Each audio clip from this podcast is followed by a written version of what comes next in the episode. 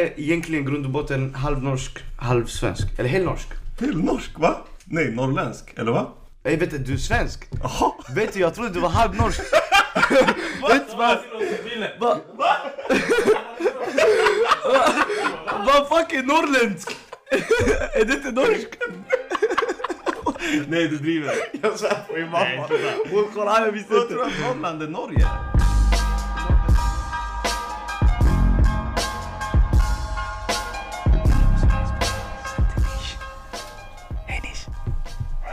Like it's your boy Swayze. Idag befinner man mig med en av Sveriges fetaste producenter och låtskrivare, Nish. Hejsan Nish. Hej på dig. Så jag, Nish, jag och du känner ju varandra sen innan det här. Och bara så allmänt från broder till broder, jag har alltid tyckt du är riktigt cool. Detsamma broder. Ja. Du är helt så estetisk, väldigt Tack. konstnärlig.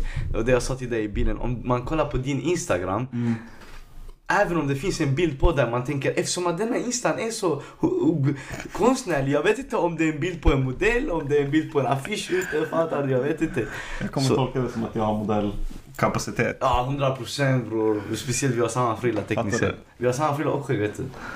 Jag tänkte på det walla. Jag har lite ljusare. Du har lite mörkare skägg. Ja, ja definitivt bror. Ha? Hans skägg är finare. Läktaren är med mig, vad ska jag säga? Jag eh, kommer ta bort det där. Eh, Lyssna, okej grabbar. Vi sa, vi, vi sa, jag sa publiken får vara med men ni ska inte knulla hela min släkt. Här här börjar få sms och sånt i alla. Jag jag är inte dum. Jag har börjat med social medieförbud i studion. Ja walla, vet du vad? Ja. Jag kanske borde också införa det. Jag tycker det är dåligt. Tycker du? Sociala medier influenserar musik. På ett hemskt sätt. Ja. Det... Faktiskt, vet du vad? Va, vad tycker du om sociala medier går hand i hand med musik? Det beror på vilken aspekt av det. Uh, till exempel marknadsföringen. Det är bra ju. Mhm. Ja. Men vad är det som du tycker är dåligt? Hur det påverkar oss som människor. Att det, Mm. det trasar sönder oss inifrån. Tar sönder våran empati, tar sönder våran tiden vi spenderar tillsammans. Att vi liksom äh, inte gör det. Vet du också vad jag har märkt just med artister? Också, alla är så mycket, ja men uh, vi, uh, psykisk ohälsa ska vi Mhm. skydda och självklart, Mm. självklart psykisk ohälsa ska vi bearbeta och Mm. jobba med och det är någonting jätteallvarligt och allting. Och sen en artist har det, som till exempel Kanye West, han är bipolär, så gör folk memes om det och skämtar Mhm. om det. Mm. Så vad händer bror? Nej, jag håller med. Jag tycker särskilt med Kanye så märker Mm. man ju. Alltså, med, det är klart det säger mycket om honom. Det lär, alltså, allt han går igenom. Vi lär oss om honom och vi lär oss om massa saker. Och det säger saker om honom. Mm. Men hela situationen med Kanye tycker jag säger mycket mer om världen. Mm. Och hur, alltså hur, våran, hur världen ser ut just nu. Vad folk gör av det han säger. Hur folk, alltså alla som tittar på. Mm. Och vad det bidrar till. Det säger mycket mer om oss än, än vad det gör om honom. Ja självklart, jag håller faktiskt riktigt Folk mycket gör fula saker av det. Ja. Fast det finns Vad tycker du om, om Kanyes rant på sistone då? Är du för det eller emot det? Jag vet inte. Jag känner med honom. Jag, och jag håller med om 90% av allt han säger. Ja, jag också. Alltså, eh, jag, jag tänkte på det här om dagen. Jag gick igenom hans tweets och han säger inte fel saker. Nej, Han är bara filterlös och vet, filterlös. folk sitter och bara um, la la la. Men kom igen! Mm. Till exempel det han har nu med Sony Universal Music. Det är inte fel, det är bra för oss alla i kulturen. Mm. Vi ska backa det här, vi 100%. borde göra det och vi ska också komma in på det lite längre Såklart. fram. Eh, din del av den aspekten, du vet, att gå emot de här sakerna. Mm. Men någonting, så jag googlade dig och så hittade jag en intervju med Sveriges Radio. Okej. Och det var någonting jag fastnade på. Jag bara, Ey, det här är riktigt fett och jag vill du ska berätta och snacka mer om det. Mm. Så det här är ett, ser man utdrag? Man ser utdrag va? Här är ett utdrag från Sveriges Radio-intervju. En av mina första låtar hette Mrs Johnson. Jag proklamerade min gränslösa kärlek till en gift kvinna. Han är Sveriges Nardwar. Så, som hade barn, berättar Nish.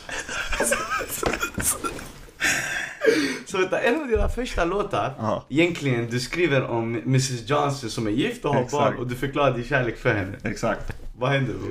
Jag vet inte. Jag vet inte. Men vilken tioåring. Tänk dig, det här är en gift kvinna. Jag är tio år. Jag är tio år i den här låten. Jag sjunger till en gift kvinna och jag är såhär. Du är gift och du har några barn. Men det spelar ingen roll. Jag är redo för det här. Det Tio och jag. år? Jag var tio år. Det är, det är ganska vidrigt. Det är lite perverst. Men det är också så här. Men det är också hur långt egentligen du kommit på bara 10 år. Jag, jag skulle... Jag var Jag- jag redo, jag, det var redo att ta över en, alltså jag var redo att ta över en familj. Låt mig bli the new guy. Jag fattar att du gift, jag fattar att du är barn, hela den grejen. Nu så här, jag är 10 år, jag kanske inte ser ut så mycket för Jag skiter i det, jag säkert äldre. Jag bara-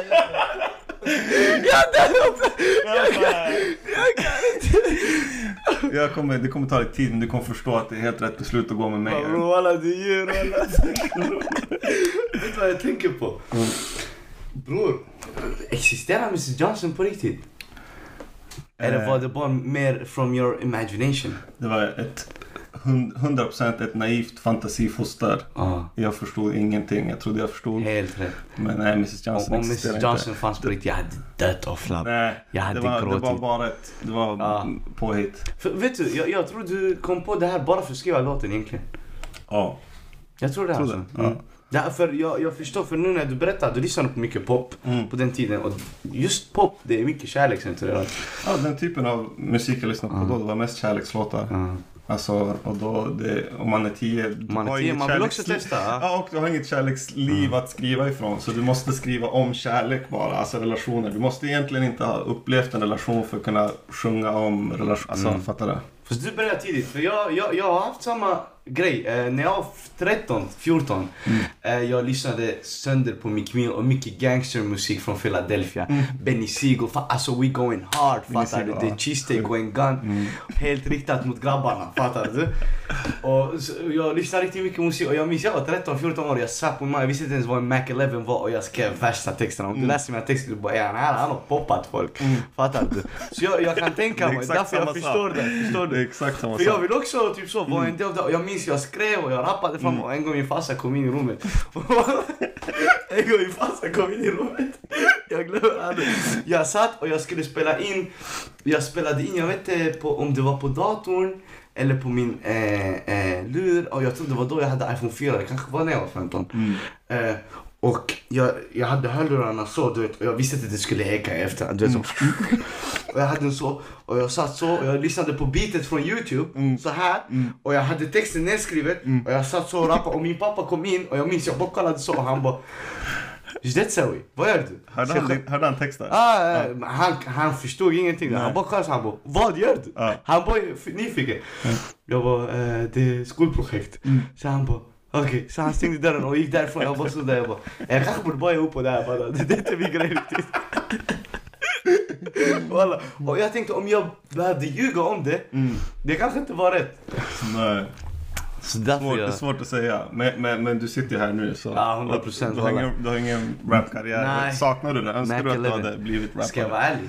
Jag hade lätt velat vara rappare alltså. Ja. Faktiskt. Jag seriöst också, allvarligt nu med min broder, shoutout Rico min broder. Mm. Eh, jobbar nära med producenten Max, shoutout Max, shoutout Mazo. Bästa. New music out soon inshallah. Ehm, och jag och Rico, det var så också Rico kom, eh, blev mycket mer seriös med sina beats. Mm. Rätta mig om jag har fel, han var alltid seriös, förlåt. Mm, mm.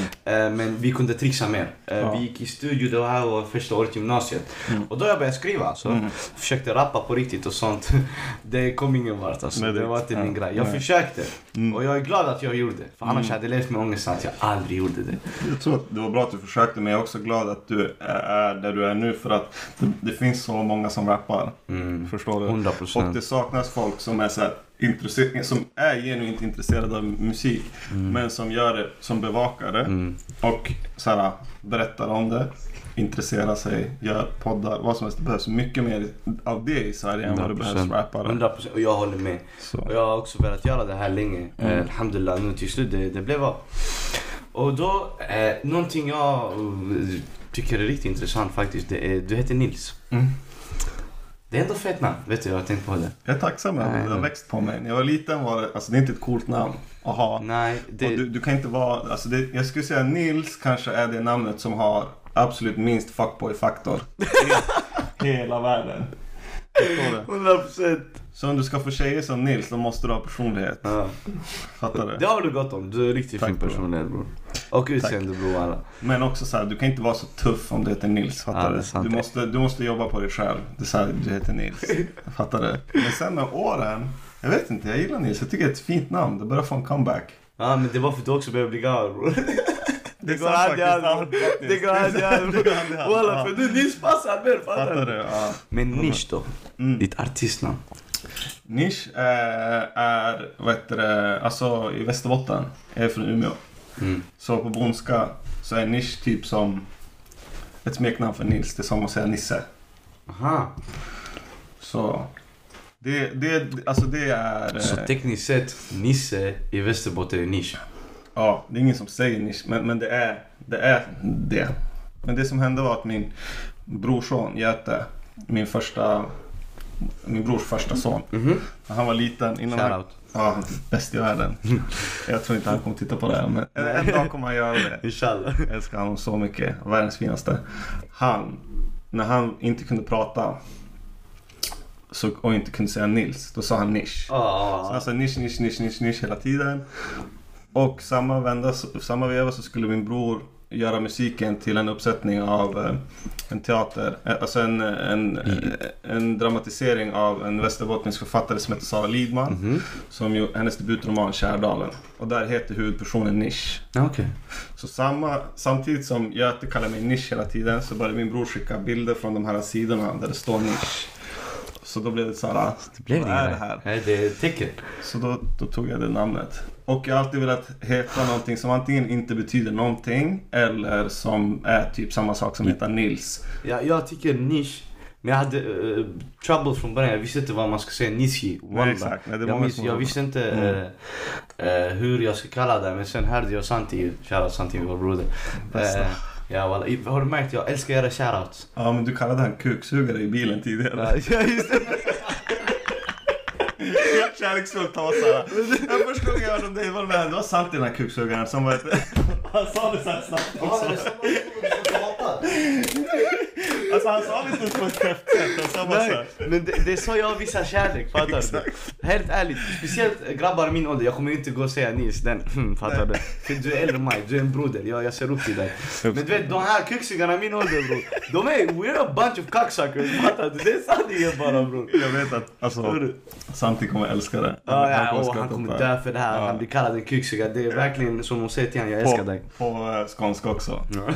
Förstår du? Det är det bästa han vet. Han kommer göra en sån video om det. Han vill inte bli kallad det av en stockholmare. Ja. Men du är egentligen grund och botten halvnorsk, halvsvensk. Eller helnorsk. Helnorsk va? Nej, norrländsk. Eller va? Jag vet inte, du är svensk. Jaha. Vet du, jag trodde du var halvnorsk. Vet du vad? Va?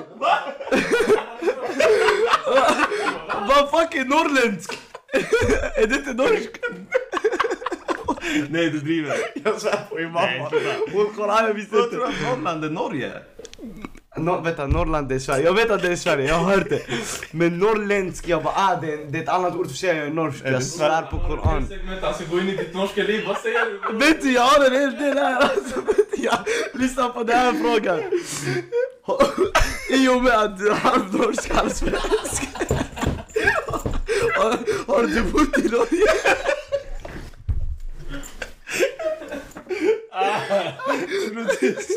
Jag hade tre frågor om det här. Ställ dem, vi kör dem. Vi kör de norska frågorna. I och med du är halvnorsk. Walla du snackade som du kände han sedan barnet. Han bodde Jag, bara, jag bara, jag bara, om han är halvnorsk, han har speak bott i Norge och då jag kan gå in på norsk musik, Du svensk sa inte musik. spik, du sa han har bott Ja, ja men det är så min hjärna Kör funkar. de norska frågorna. med att du är halvnorsk och halvsvensk, har du bott i Norge? Ja, jag har bott i Norge. Nej, jag, jag har aldrig bott i Norge faktiskt. Fuck. Ehm, lyssnar du norsk musik? Ja, faktiskt. Det Ja. är du. Norsk musik är superior. ja, det finns riktigt bra, riktigt bra musik från Norge. Duktiga producenter. Duktiga artister. Älskar Nora, Nora Kollektiv. gänget, alltid. Mm. Eh, inspirerats av dem. Dör för Arif. En person som verkligen jag tycker såhär, fick, gjorde, den där, gjorde av norska typ vad, Sver, vad svenskar behöver för att lyssna på norsk musik. För att vi är känsliga för norska. Ja, Norska det är låter vi. ju som såhär. Det kan låta weird för oss ibland. Ja, 100 procent. Många tycker att det låter weird. Alltså det bara är så. Det är Ja. tråkigt att det Det är är inte så. för dig för du är norsk. Men... Exakt, nej för mig som har Mm. växt upp med det är det liksom en helt annan grej. Men eh, när man sprang där på gatorna i Trondheim liksom. Så... det Ah, jag trodde var- roligaste. Jag svär på gud, jag trodde det var norsk. Jag tänkte, okej, han är helt norsk, men nej nej, han är halvför. Jag tänkte, på något sätt, han måste ha bott i Norge eller Sverige också, fattar du? Oh my god, nej alltså det där är riktigt fucked up. Chalas, vi, vi bara hoppar över det segmentet, fattar du? Någonting jag tyckte var coolt från början. Innan jag ens hörde att det, det är en grej för dig. eh, Det var dina tatueringar. Mm. Jag tyckte det är riktigt fett. Jag har sett dina tatueringar på dina instabilder. Som sagt, jag stalkar. Det är bra bro. Alla jag följer alltid. I detalj. Jag är värsta kuksugaren. Jag kollar till och med era kommentarer ibland. Det Fattar du? mig. Och jag kollar, jag har sett dina gaddningar och de är inte som vanliga. Fattar du? Du har inte tribal tattoo, du, du har inte eh, ängeln och demonen. Du, alltså, du har kanske den versionen på annorlunda. Jag tycker bara dina tatueringar jag överlag ser annorlunda ut. Mhm. Och då jag undrar, alltså eh, vad är dina ta- tatueringar? Visa några, vad har de betydelse? Eh, alltså, eh, alla mina tatueringar har, har jättemycket betydelse. Det är så? Ja, jag, jag tror tatueringskulturen har varit en- alltså en jättestor inspiration för mig. Alltså hela, hela konsten med det och tankesättet bakom det. Och genom åren så har jag... Jag tatuerade mig en gång när jag var yngre. Och det var en ganska dålig erfarenhet. Sen gick det några år. Sen åkte jag till Berlin och tatuerade mig med en person som kom till att bli en väldigt nära vän till mig. Okej. Han eh, lärde mig jättemycket saker om tatuering, som jag, eller så tatueringskonsten som jag inte visste. Shit. Och kopplade mig och länkade mig med så här folk, rekommenderade folk som jag började följa. Så, success, sjukt. så gradually så kom jag in i en annan värld av så här, eh, tatuering basically. Det finns ju så här, det finns en kommersiell aspekt av det, det finns en konstnärlig aspekt Ja, av det som ja. det finns av allt annat. Så, Mm. Jag känner också dig lite, jag vet att du inte jag bara sagt så här. Det måste Nej. ha en mening. Ja, det var det jag ville vara inne på faktiskt. Men jag trodde Fatima har bombat min lur. Nej det är inte Fatima. För att hon ska komma nu. Aha. Så jag är i alla fall tillbaka. Mm. Det här kommer jag klippa. Ehm, så för mig det var sån, jag måste fråga om hans tatueringar. Mm. Jag vet att de har en mening. Mm, nej, de Fattar har, ja, hela grejen har mening. Och det, jag tror att det för mig det fortsätter. Alltså det är som en, Mm. jag tror det är som en livslång resa. Mm. För mig personligen det är en livslång, det har kommit att bli någonting som så här, det är en del av min personliga utveckling. Som Ja exakt, som du bara följt med hela vägen. Mhm. Men tillbaka då. Mm. Låt oss gå. Har du alltid velat vara en producent, låtskrivare sen du var 10? Mm. Visste du att du ville hålla på med musik?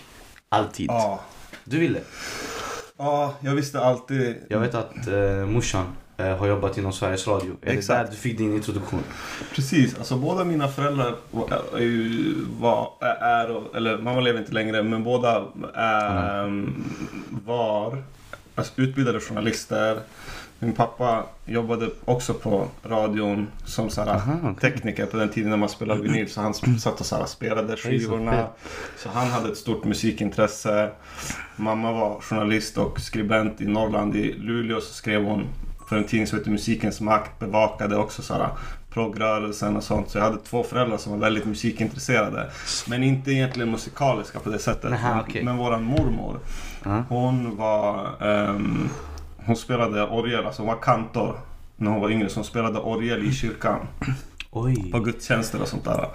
Så hon, efter vi hade, för alla mina tre bröder, när vi hade, alltså när vi hade slutat skolan, vi gick till fritids eller så gick vi till eh, mormor. Och hennes grej var att hon lärde oss spela piano. Så det är tack vare mormor som vi blev, alltså såhär, Ja, lite eller det är mer. mycket tack vare mormor som vi blev alltså, musik, alltså musikaliska, som vi började lära Är oss det där instrument. kanske örat också utvecklades mer?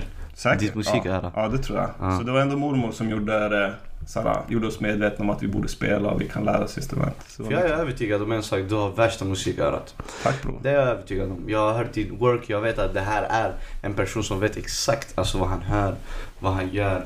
Eh, jag själv har inte värsta musikörat, jag önskar jag hade. Fattar du? Men eh, jag tycker det är riktigt coolt. Tack bror. Så jag vet att du har 100% Tack. eh, ett bra musiköra. Och i och med att eh, musik var inte... Fast just i Umeå, ni hade ändå den kant, alltså så att välja. Men eh, vad gjorde du med dina studier då? Alltså var det någonting du fokuserade på om du ändå visste att ah, jag kommer göra musik? Med skolan? Ja, hur var skolan för dig? var inte så bra. Nej men det var ju den grejen. Det var ju att jag visste så tid. Jag tror jag skrev, min, jag har en dagbokssida. Jag skrev dagbok eh, typ i sexan, femman, sexan. För man fick göra det i skolan, sen gjorde jag det själv också. Eller, eh, nej, det var nog bara i skolan. Man var tvungen att skriva, skriv något idag. Så där har jag en sida där jag skrev, för jag valde mellan fotboll och musik. Det skulle Ja. vara antingen eller. Okej. Men det finns en sida i den där boken där jag skriver så här, idag bestämmer jag mig. Mitt liv lika med musik. Och så har jag skrivit under så här, så jag gjorde ett kontrakt med mig själv. Har du kvar denna? Jag ska posta det som att jag vore Kanye. Har du kvar All denna? contracts are transparent. Walla. Jag svär på gud. Det där är riktigt coolt. Har du kvar denna? Ja, jag har kvar den. Snälla. Om Ja. inte det är för personligt. Jag vill ha en bild på det Ja, här. nej, jag skickar. Ja. Jättegärna. Det, vet du vad jag kommer göra? Jag kommer skriva ut det här och ha det varje bakgrund. Det, det här är den första... Vet ni vad? Jag ska implementera en ny grej på Swaypod. Framöver, Mm. jag kommer lägga saker i bakgrunden. Mm. Fattar du? Som jag har fått från artister, producenter, managers eller låtskrivare och så vidare. Ja. Och jag vill att det ska vara en nischgrej. Fattar du? Skitfett. Okej, det hade Jag jag, trodde jag hade ha. postat den. Jag skulle se om jag hade den men, men jag har inte postat den. Men det här var min dagbok. Kolla omslaget. Den var djur ändå alltså. Farligt. Vänta, vad sa Love. farligt? Love. Hur, hur, hur gick du ihop med farligt och love? Det var, så jag såg på livet. Jag tänker livet är två saker. Poison, Farliga- står, står det poison där? Ja. Herregud. Du, har- du, du har hela världen, du har bara... Du har farliga Du har saker. tre saker. Du har gift och så kärlek. Hos och sen Nils. Herregud. Jag vet inte om kameran fångar upp det, men det är värsta saken. Camera guy. Fånga den. Det är min dagbok. Men jag- du kan skicka screenshot så lägger jag bara in det. Okej. Ja.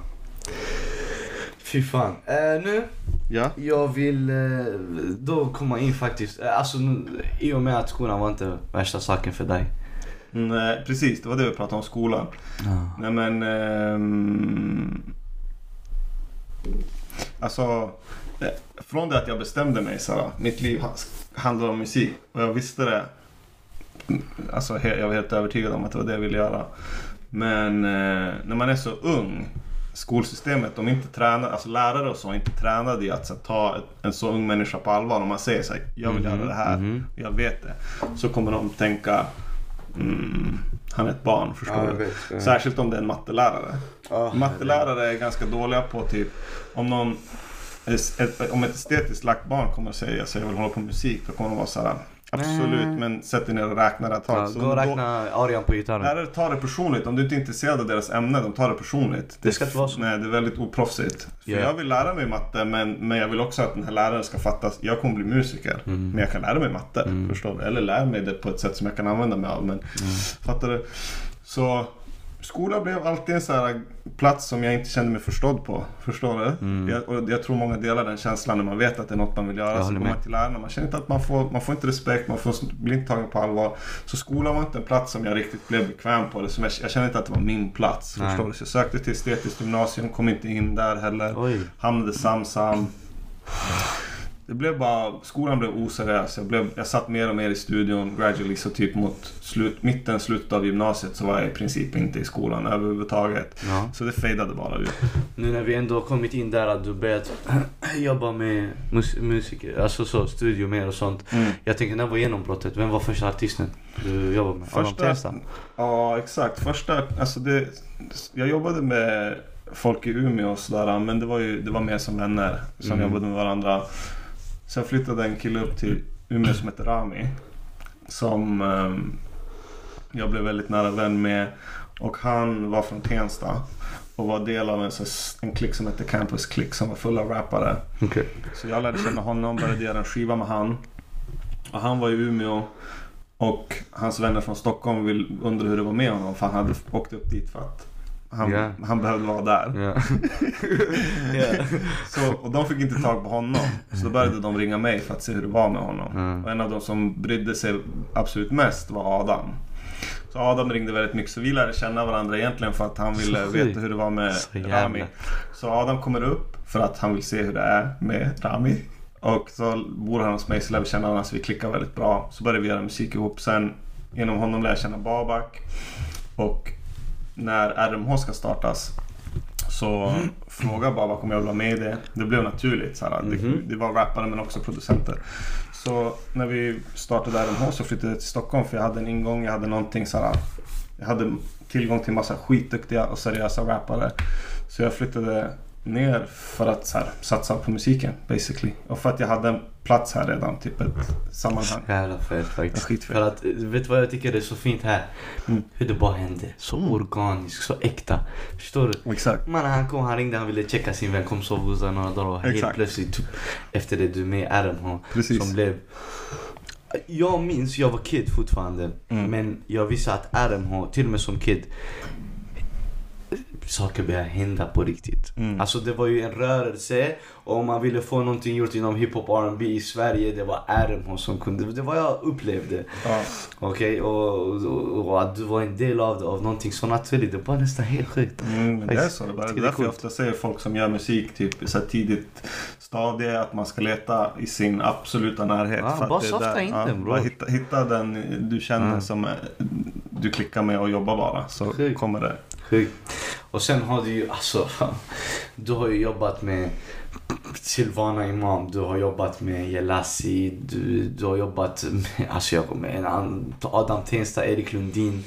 Eh, och det är just en sak jag tycker riktigt, jag, som sagt jag har ju googlat dig. Och jag visste inte att du hade vunnit en Grammys. Är det sant? Det är helt sjukt. Du är Grammys-vinnare. Jajamän. 2016 för Zebrapojken. Nej, Zebrapojken kom ju förra Jo. året. Nej, det var en, en sak med, du hade co-producerat. Zebrapojken var inte ute när jag vann Grammis. För vad är det du vann Grammys för? Jag vann Grammis för ehm, 2019. eh, 2016 för Silvanas debutalbum. Ah, ja, det var det jag blandade ihop Eh, med. Didas EP. Och sen var jag också involverad på ett hörn på Leslies EP. Ah, Och jag var typ, det var det året så hade Ja. RMH eh, Sin. 15 Grammis-nomineringar. Och jag tror vi vann fem eller fyra. perfekt. Så Erik vann två, Silvana vann en och jag vann en. Det är helt sjukt. Så det var ett starkt år bara. Ja, det var otroligt år. Hur var det då? Vinna Grammys? Det Alltså, var, var det... skitflummigt, men det var ju en flummig grej för att det läckte ju. Vinnarna läckte, det var skitflummigt. Ah, hon, som, hon som var, det var en person som jobbade som, med PR för Grammisgalan. Som eh, skickade ut ett Excel-dokument med så här, det här är de nominerade. Det här är de Grammis-nominerade. Och sen fanns det så här, en till flik Nej! Oh my Där de hade god! satt kryss på dem och, och, och så då så, så, och skickade ut det här till media, till allting. Så det var typ några vinnare som läckte, det var inte alla. Sen försökte de förklara, det var så nej men det här är vi som har tippat, bla bla. Men så det läckte typ. Så, och där var jag var ikryssad. Eh, Silvana var ikryssad, Erik var ikryssad. Så folk började skicka grattis sms och sånt här. Och jag hade inte ens sett det dokumentet. Så det var ett antiklimax. Jag fick inte den där grejen att, det var så här, att jag fick sitta på galan och så bara what the fuck. Utan vi satt där och var så här, undrar om det verkligen är sant. Vi får väl se. Typ. Och sen när alla började vinna typ. Silvana började vinna, jag sa okej shit jag kommer vinna typ. Ah. Så det var en, det var en konstig... Fan! Ja, det var en konstig känsla. För det hade varit roligare om jag inte fick förbereda mig 100 på det. procent. Jag Då håller också med där. Men nonetheless, Instagram. Ja, det var Och roligt. då tänker jag, va- va- var det någonting du ville vinna? Alltså, fick du sån? Yeah, fattar. Du- Jag har en Grammy nu.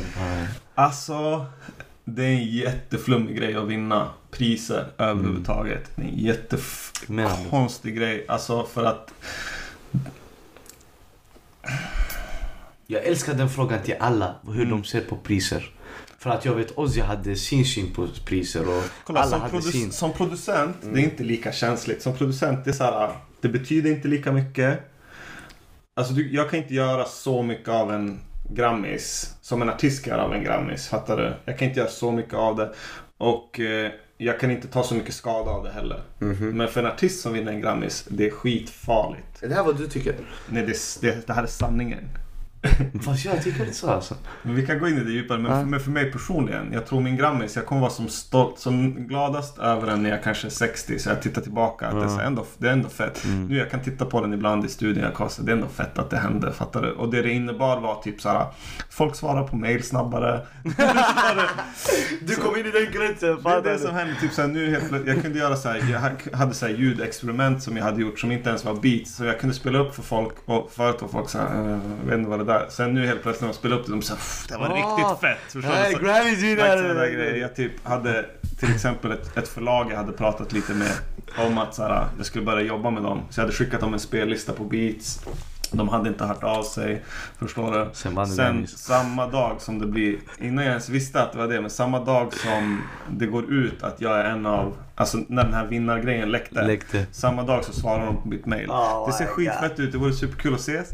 Och så går jag in och kollar på spellistan och då har de inte ens lyssnat på det jag skickade. Ah. Fattar du? Så det är sådana krafter. Helt plötsligt när du, om du vinner ett pris, alltså du, du får typ Mer äh, åtkomst. Ja, du får, du får lite mer uppmärksamhet Ja, från fattar. eh, branschen på Det det, är ändå sättet. lite bra Isai och har sina Men som artist är det farligt för att i Sverige så finns det, det finns en sån här kraft runt att vinna Grammis som är, eller generellt typ om du blir hyllad och du gör ett släpp och, och det går bra. Det är typ att det är nästan som att du blir avtackad.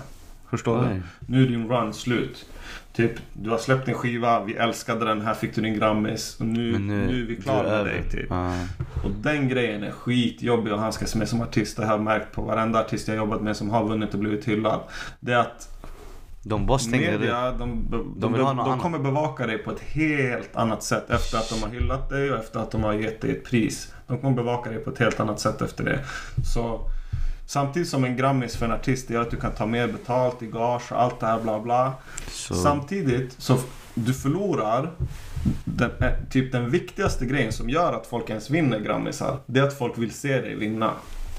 Fattar du? Så länge folk vill se dig vinna, då går allt bra.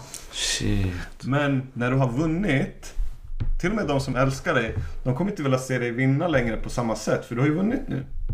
Herregud. Fattar du? Så, Så du tappar toxic. jättestor del av din following. Du tappar God jättestor del damn. av de som bryr sig om dig, som pratar gott om dig som artist. Fattar Mm. du? Som producent är det inte så, för du är inte i spotlighten. Men jag märker det med artister jag jobbat med. Hur älskade de är, hur mycket folk vill se dem vinna. Sen när de vinner, då är folk såhär, ja du var... Ah, Så shit. försvinner de med för artisten. De kanske gjorde den här skivan för två år sedan, fick sin Grammis, Fick är sin på väg med sin nya skiva. Så här, Ska ni inte älska det här? Nu jag kommer en till skiva. Ja. Men då har folk men du Är det- och... Då är, jag, är det bara så i Sverige? Eller ska.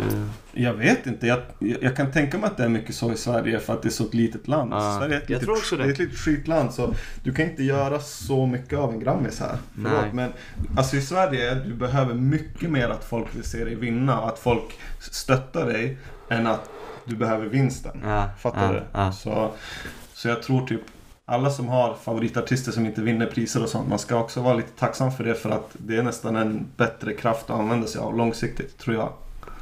Jag håller med dig faktiskt. Eller det här visste jag inte helt heller. Alltså Nej. att det var sån.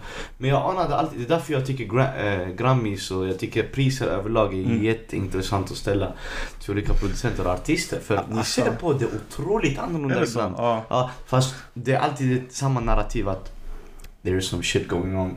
Fattar du ändå? Mm. Mm. And det är inte bara att vi får ett pris för vi har kämpat utan there is some shit behind this shit. Såklart. Och jag kan nästan lova dig, alltså om du frågar artister som har vunnit Grammis. Jag kan nästan lova dig att alla kommer säga att det är också En curse. en curse. Jag lovar dig. Alltså såhär... Ja, det är a trap. God damn. Jag tycker det är en trap. Och såhär... Och den där psykosen börjar för att folk är såhär... Nu är du glad va? Såhär, bla, bla. Men jag tror för personen som har vunnit det är såhär, shit allt börjar gå åt helvete. Typ Herregud. Folk vänder blicken, media, de som nyss, de vänder blicken till någon nykomling. De För vänder att de blicken. vill ha en ny energi. Fysiken börjar om, fattar du? Mm. Om du, alltså såhär, det bästa tiden att släppa i Sverige, det är såhär, du börjar etablera ditt projekt i februari, mars. Mm. Släpp en skitbra grej innan sommaren. Släpp en sommardänga. Sen avsluta året med ett otroligt projekt. Sen är statyetten din Mm. i januari. Sen börjar det om. Då de vänder sig till nästa nykomling. De ha, kommer, inte ge, de kommer inte ge statyetten till någon i januari och sen fråga den personen vad ska du göra i mars. Oh De kommer god. inte mena det på samma sätt. För, Nej, förstår du? De kommer vända sig till Du har redan nykomling. vunnit nu bror. Så snurrar det, så snurrar det typ. Så det. Och det, jag tror det är extra slitsamt för genrer som hiphop, R&B som fortfarande i Sverige ses som sådana fräcka små subgenrer. Mm. För förstår du, i USA är det här Billboard. Ah, förstår ah, du, du kan, alltså, om, du, om du gör siffror i USA så är du klar. Då kan du använda dig av det kommersiellt väldigt brett. Du kan gå och Mm. tjäna pengar överallt. Men i Mm, du Sverige, om du blir en framgångsrik Grammisbelönad hiphopartist eller rb artist soulartist Där är den kraften av såhär, Mm. bra gjort. Lilla underdog, den är extra stark. Så att såhär, när vi har avtackat dig, det är såhär, du, visst är du nöjd nu? Typ, Ja. såhär. Det är Nu klart, har du fått det du vill. det blir extra mycket så om, om, det, om det är en underdog, om det är något som ses som en underdog-genre. Så i, i Sverige, att vinna grammisar och sånt, är fett... Eh, det är också såhär, en farlig grej. Så man, Mm. måste, man måste vara förberedd på vad, vad ska jag göra av den här segern typ. God damn alltså. Jävla grannis. Men då ändå när vi ändå är lite inom det här med stanna inom ramar och hälsa på det händer ibland och sånt. Vet du någonting jag har tänkt? Eh, dina produktioner, jag har Mm. lyssnat mycket musik som du har proddat och sånt. Eh, och många, jag visste inte ens du har haft en flik i eller hållit på med. Eh, jag skulle säga, jag, jag tycker många av dina beats är utanför ramarna. Alltså du har mycket mer annorlunda stil än vad som är trendigt eller har varit trendigt på sistone. Och då jag tänker, har du någonsin tänkt på att ah, jag måste göra en viss stil för att komma in? Förstår du vad jag menar? Ja, absolut. Har du någonsin tänkt så och gjort det? Eller har du bara alltid nej, det här är jag. Jag, vill, jag kommer alltid göra det här. Jag vill inte. Alltså, när det kommer, jag brukar vara försiktig, när det kommer typ så nya vågor eller nya trender så brukar jag beva- försöka bevaka dem så ganska länge innan jag gör något av det. Typ så här när trapvågen kom Ja. så var det inte så här, alltså jag låter trap komma så börjar jag lyssna på det så växer jag in i det och sen efter Du vill göra din version av trap kanske? ja, jag vill komma in på mitt sätt. Men jag tycker, vet du, jag har alltid tyckt att eh, det är coolt att man kan alltid skilja mellan dina beats och många producenters beats. Du vet, inget illa menat. Eh, Sverige har en rad många otroligt grymma eh, producenter. Mm. Men jag kan också ta jättemånga producenter i Sverige och lägga dem i exakt samma kategori. Mm. Eh, men du, jag kan alltid ta bort dig. Alltså du är en egen. Tack. Och jag, och jag tycker det är coolt. Jag Jag, jag, hellre personligt, väldigt subjektivt, hellre Mm. lyssnar på en sån beat än... Tack bror. Men Ja. man ska också komma ihåg att jag är mycket äldre än väldigt många av de här producenterna Eh, som yngre. kommer nu. Alltså när jag började producera så alltså jag började ju som beatmaker också. Så att jag gjorde beats, satt och här men jag satt i ett helt såhär, jag kunde sitta ett halvår och bara göra trummor och så sitta ett halvår och bara göra, alltså flippa Så samplingar. Så, så jag Mm. började också som beatmaker och, och hade inte alls det här nödvändigtvis det här helhetsbegreppet såhär, som På vad? som kanske är att vara producent eller som jag känner definierade mig idag. I början var jag också bara en beatmaker. Jag tror det vi ser just nu idag att det har kommit en explosion av beatmakers för det är enklare än någonsin att göra beats. Men vi kommer se om tio år kommer vi se vilka som blev producenter. För, för det tog kanske fem, tio år innan jag kände att jag började bli så här, verkligen en... This is me. Ja, att man utvecklas till att så här, man börjar titta lite bredare och så. Mhm. Det där är nästa steg. Förstår du? Så... Alltså... Jag, jag håller med om att det är väldigt mycket saker som låter generiskt idag. Det är väldigt mycket producenter som låter likadant och som låter så här. Mhm. De, de, har inte, de har inte supermycket stil ännu. Men Inte jag kan lova att om, Det kommer med tiden. Ja, om så här fem år Ja. så kommer man se att några av dem tänker större. Några av dem har, bryr sig ännu mer om projekten de går in i. De bryr sig ännu mer om art- artisten och allting bla bla. Och de, de kommer bli så här framtiden. Mm. Sen, sen alltså vissa gillar bara att göra beats ett tag. Det är också okej. men Ja, självklart. Självklart, självklart. Det är också så det är egentligen. Alltså. Men eh, nu, nu producent Nils. Okej, ja. Okej, är det nisch? Mm. Hur väljer du vilken artist du vill jobba med? Det, det tycker jag är riktigt fett som producent faktiskt. ja, det är en skitviktig fråga. Mm. Jag tänker på den väldigt mycket också. Jag tror det utvecklas hela tiden. Mhm. Men eh, för det mesta så letar jag efter... Jag letar efter typ såhär intention är jätteviktigt för mig. Typ såhär syftet. Med ens musik då? Ja, exakt. Mm. Vem personen är, typ. Jätteviktig grej. Så vem är personen? Vad har de för syfte? Vad är deras intentioner? Vad är deras själ, typ? Mm. Eh, ja, jag har svinmycket att göra med det. Och sen också, jag tror artisteri och för mig personligen så tror jag artister och så här, rampljuset typ strålkastaren, alltså, så här, alltså artistspaten. Ja. Typ, för mig är den reserverad för folk som kan så här, bidra till på något sätt med så här, berättelser eller dela med sig av någonting eller vad det än är. Typ, så, här. så jag tror att jag också letar efter någon som jag vet så här, om jag... Har en story. Ja, Berätta. story eller typ så en kraft på något Ja. sätt som är unik. Energi också. Som sticker ut, exakt. Så här, om den här personen är unik i, i ett rum fullt av hundra människor på något sätt. Så För jag skulle säga att du är unik. Du är också den personen. Så Tack, det går hand i hand också. tack, men hur ska man göra ett exempel av det? Jag tror vissa så här, som artister har en mer läkande kraft än andra. Mhm. Alltså som artist. Jag kan vara väldigt läkande och jag kan bidra väldigt mycket som producent. Bara genom att så här, med mitt tekniska kunnande och min, min så här, Mhm. känslomässiga whatever, bla bla bla, så kan jag eh, alliera mig och så här, empower väldigt mycket folk typ. Men jag kommer inte kunna bidra så mycket i en strålkastare. Ja. Känner inte jag personligen.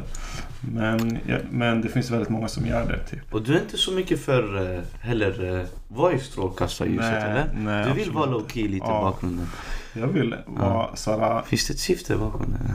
ja alltså Precis det tror jag. Jag tror att såhär, det, är inte, det är inte för mig. Jag, jag, jag har en idé om vem jag tycker ska stå där och jag Mm. tycker den personen ska vara någon som så många, så många personer som möjligt såhär, behöver den här personen. Den här artisten. Mhm. Typ om skitmycket folk be- behöver den här artisten då är det ju essentially min belöning också att möjliggöra att den här artisten existerar och såhär, når ut. Förstår du? Nej, jag förstår. jag Så förstår. man måste bara tänka på hur man kan bidra som mest. Typ. Så jag hör dig. det är typ det. Man är en allierad. Alltså producent. Jag Mm. tänker säga jag är en ally och jag väljer precis vem jag allierar mig med. Och typ. Det är riktigt coolt att du tänker så för det är för the long run. Alltså, Mm. om, också om man kollar på din diskografi, det har varit så. Du vet, du har ju Adam Tensta som du proddat otroligt, alltså varit med i otroligt många låtar. Exakt. Erik Lundin, eh, Jelassi, eh, Mona Masrour, eh, Silvana, eh, dum, dum, dum, dum. Exakt. Jag såg också någon Beatrice Eli. Jag, Beatrice Eli har jobbat Ja. Ja. jag, jag har inte lyssnat Nej, eh, på henne så det mycket. måste du göra. Ja, Hon är absolut. verkligen Sveriges pop eh, eh, virtuos. Okej. Jättef... Vad fan betyder virtuos? Jag vet inte, jag bara letade ett superlativ. Ett här stort ord som... Men det var ändå fett virtuos. Hon är helt grym. Verkligen en artist som, jag, som har inspirerat och lärt mig jättemycket om så här, integritet. Om eh, att så här, våga göra precis så här, det man vill så kompromisslöst som möjligt. Hon är någon som kan så här, skriva de absolut största poplåtarna i sömnen typ. Men hon har också vågat göra pop till någonting som är Doing my own shit. som är typ så här innerligt samtidigt som det är dängigt. Och för mig är det typ den bästa musiken. Något Mm. som är så här um, jättekraftfullt. Mm. Men också så här Ändå som förstår typ din ensamhet. Ja. Fattar du? Så du blir typ så här inte ensam på din ensamma plats. Men det är också så här hela världen. Och då kom vi in vad Mrs Johnson texten låten erbjöd den, den här, de här två push. Erbjöd, fick du, fick, fick du fram den här känslan? Det, det var kraftfullt men det var ändå... Ett, Ja, ändå. Vet du, jag tror det för att... det är nästan helt sjukt, jag kan inte släppa det. Jo, men jag tror, jag tror många, alltså, det är ändå en ensam plats att vara på. Att så här, sitta där och vara olyckligt kär i en gift kvinna med barn. Det är ändå en knasplats att vara på. Där man så här, jag behöver någon som förstår mig. Typ. Jävla Nilsson. Alla djur och alla djur. Ja, det här, det här eh, tänker jag. Och jag kommer fråga en till varje producent faktiskt. För eh, jag, jag undrar om ni är mittemellan eller en av dem. När du ska göra ett beat nu. Mm. Jag ska sitta ner och ska göra ett beat. Du ska producera en låt, men ett beat, just ett beat. Mm. Har du en blueprint i ditt huvud? Du tänker ah, det här melodin det är så den ska låta. Eller bara testar du därifrån. Och på, Jag är skitdålig på det där att så här, göra en grej. som du... Nej, som någon vill ha. Om det är så här, jag vill ha en beat som låter så här. Mm. Jag är dålig på det. Jag tror jag måste, jag, jag tar det mycket mer så här, det Mm. som kommer bara typ. För stunden. Så det är så? Det, du är mer sån? Zoom. Ja, mer så. Istället för boom. Ja, mer zoom än boom. Och... det där var fett. Det var skitfett. Ska jag en grej nu? Är det zoom eller boom? Exakt. det är fett. Det är mycket mer zoom.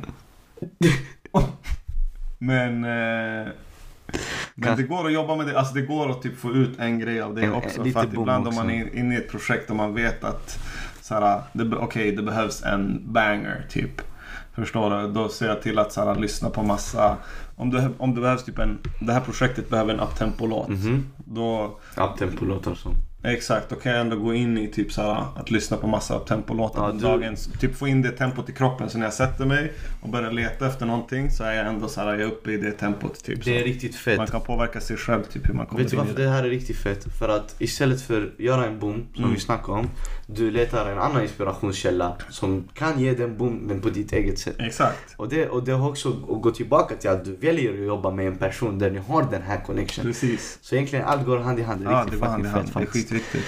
Shit man. Alright, lyssna här nu. Avslutningsvis. Ja. Vi ska ha en Would You Rather. Oj. Jag har massa. Det finns två frågor jag har ställt till varje gäst jag har haft hittills. Okej. Som jag ska ta i slutet. Ska jag ta dem i slutet eller från början? Slutet. Ja, slutet. Sen har jag några absolut lite mer djupare, fattar du? Okej. Och den första är. Hade du hellre varit den enda glada människan i världen och alla är ledsna? Eller alla är jätteglada och du är ledsen resten av ditt liv? Det är ett enkelt svar. Vadå? Självklart att alla är glada och jag är ledsen. Varför? Men det vore ju helt... Bara en psykopat kan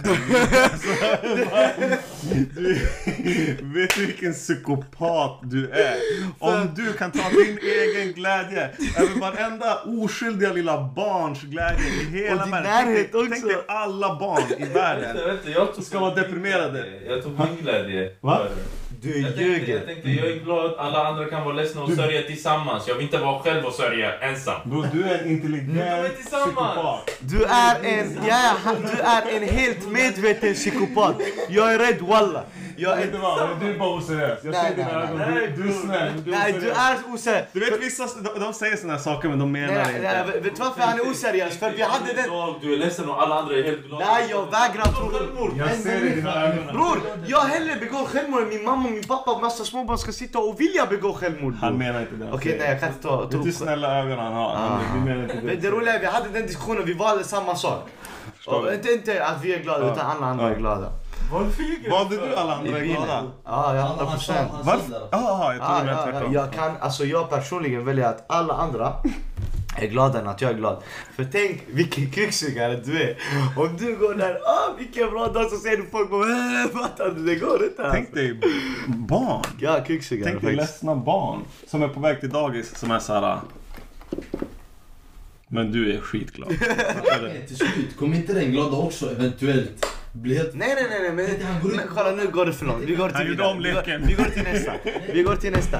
Hade du hellre, hade du hellre, nej, nej det börjar bli för komplicerat. Hade du hellre haft 100 mille nu, eller gå tillbaka till att du var 10 år gammal med den kunskapen du har nu? Mhm. Boom. Jag tror på att leva i nuet. Jag också. Så jag tar 100 mille nu. Ja. För tänk hur annorlunda de personer du hade träffat och allting. Ja, nej, jag tror... Ja, jag, nej, jag tar 100 mille nu. Ja. Jag, jag tror på... tror på att leva i nuet. Ja, jag tror också jag hade gjort det. Jo, jag 100% hade gjort Och det. jag tror det är bättre att få pengar sent i livet än tidigt i livet. Ja, för att man kan göra bättre beslut. Ja. Hade jag fått... Uh, Okej, jo, jag är fortfarande ung. Okej. nu kommer mina uh, äckliga frågor. Jag tror den till och med började med att du hade en Insta... På Insta-story där du sån Ställ mig frågor. Lite sådär. Så jag bara, jag bara la den. Hade du hellre sovit på 10 hästkukar eller 15 kilo kobajs med massa döda insekter? Snälla välj som mig. Alltså alla har inte valt som jag snäar. Vänta, säg igen. Hade du hellre sovit på 10 hästkukar Alltså jag 10 sover timmar? ovanpå dem. Ja, ah, du sover på dem bara. Ja. Eller 15 kilo bajs och massa döda insekter. Beskriv kukarna. Bror, det är hästkukar. Det är skärda hästkukar, sån här längd. Det är Alltså det är 10 inte stycken. levande hästar som har lagt sig så här. Det går det inte. döda. Jag hade hellre haft levande hästar, men de kommer inte slå dig något. De bara ligger runt om dig. Vad fuck händer? De kanske är där. Men så det, det är döda kukar liksom. Det är döda kukar. De, är, Ah. de kanske är hårda eller mjuka. Hur är de hårda om du är läkare? Ja men typ så, Nå- vi har, vi har b- b- lä- lagt in saker det, det spelar ingen roll egentligen.